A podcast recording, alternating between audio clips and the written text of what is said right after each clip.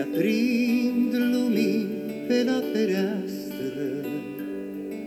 E cald acum în casa noastră, miroase a vremile d'ahir. Qui juga amb foc es crema. de la bunici Și mama mi cântă de amintire Pe chipul ei văd fericire Colindele ninsori vesele Teatre, gest, performance, instal·lació, coreografia, mim.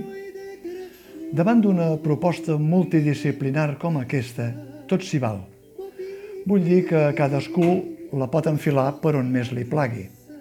Una opció és entrar-hi amb la lliçó apresa i fer-ne després un comentari pseudointel·lectual i quedar com un senyor.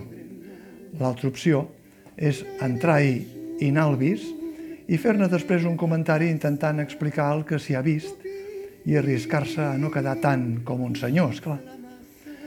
Si la dramaturga Manuela Infante, nascuda a Xile en 1980, ja va saltar a l'absurd amb un espectacle anterior, Estado Vegetal, explorant quina relació tenien les plantes entre elles i els humans, per què no pot continuar en aquest mateix estadi de l'absurd, donant veu, cos i ànima, com aquell qui diu, al foc? El que passa és que les plantes, si no són carnívores o verinoses, a tot estirat poden produir alguna al·lèrgia i no et fan cap mal major. I en canvi el foc, de tant jugar-hi, et pot acabar cremant. El cas és que els dos personatges protagonistes de Fuego, Fuego, una parella defensada amb carn i ungles per Héctor Morales i Núria Lloanzi, se socarrimen i es cremen ben recremats només d'entrada, en una acció performativa de to color de cendra, dominada pels sons guturals i els efectes sonors electrònics d'acompanyament en una imatge plàstica d'aquelles que els responsables del MACBA es llaparien els dits si la tinguessin en una de les seves sales expositives. L'espectacle té una línia ascendent que va del negre cendrós esmentat al blanc grogós de la muntanya d'encenalls de la fusta de pi, amuntegats en una pila de deixalles que, afortunadament per al teatre, no s'acabarà cremant, ni que els dos personatges en qüestió es fumin arriscadament dos cigarrets tan tranquils damunt dels encenalls.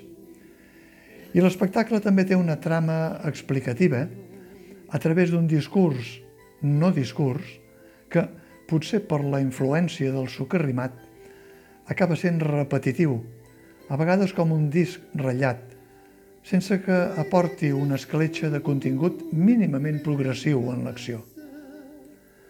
És clar que això, el comentarista pseudointel·lectual li va de primera, perquè es pot esplayar fent especulacions de tota mena. Ho té més malament, en canvi, el comentarista inalvis, que s'ha de limitar al que la seva modesta mirada, des de la platea, li pretén ensenyar. I és que qui juga amb foc es crema. I no em refereixo només a la creadora de l'espectacle, que ja adverteix que fa un teatre no humà, sinó també als espectadors que s'hi enfrontin. Fuego Fuego és una de les propostes arriscades de la nova línia del Teatre Nacional de Catalunya comandada per Carme Portacelli. El TNC col·labora amb el Festival Internacional Santiago 1000 de Santiago de Xile. Igual que el MACBA, que ja he esmentat, en algun festival que se les promet de radical i de noves tendències, també s'hi llaparien els dits amb Fuego Fuego.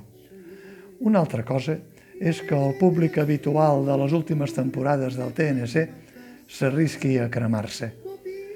El públic de la funció d'estrena de Fuego Fuego, que no és el públic de carrer, diria que es va cremar poc, com si després de tant de foc a la graella hagués passat els 90 minuts de l'espectacle pel microones, a tot estirar.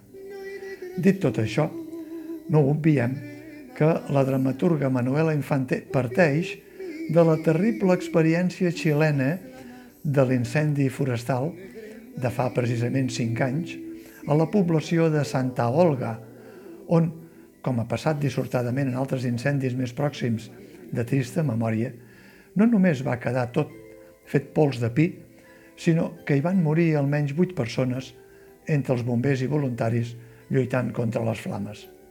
Hi ha, doncs, una relació, diguem-ne, sentimental de l'autora xilena amb la tragèdia viscuda recentment al seu país. I aquesta relació és la que converteix en una simbologia de denúncia social. No hi ha tant de surrealisme, malgrat les imatges plàstiques, si es té en compte que parteix del realisme. Fuego, Fuego adverteix als espectadors del segle XXI que hi ha moltes menes de fogueres que cremen sense que s'envegin les flames. La foguera incendiària verbal, la foguera incendiària política, la foguera incendiària capitalista, la foguera de la pobresa, la foguera de la desigualtat, la foguera energètica, la foguera climàtica. Davant d'això, doncs, queda força lluny aquella profecia ritual i religiosa que deia, o que diu encara, que el foc purifica. Que els ho diguin els xilens que van patir el foc de Santa Olga. Ne vrem a casa copii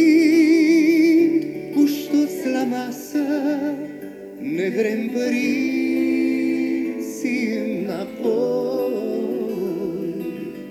аж стає то, чим майрено.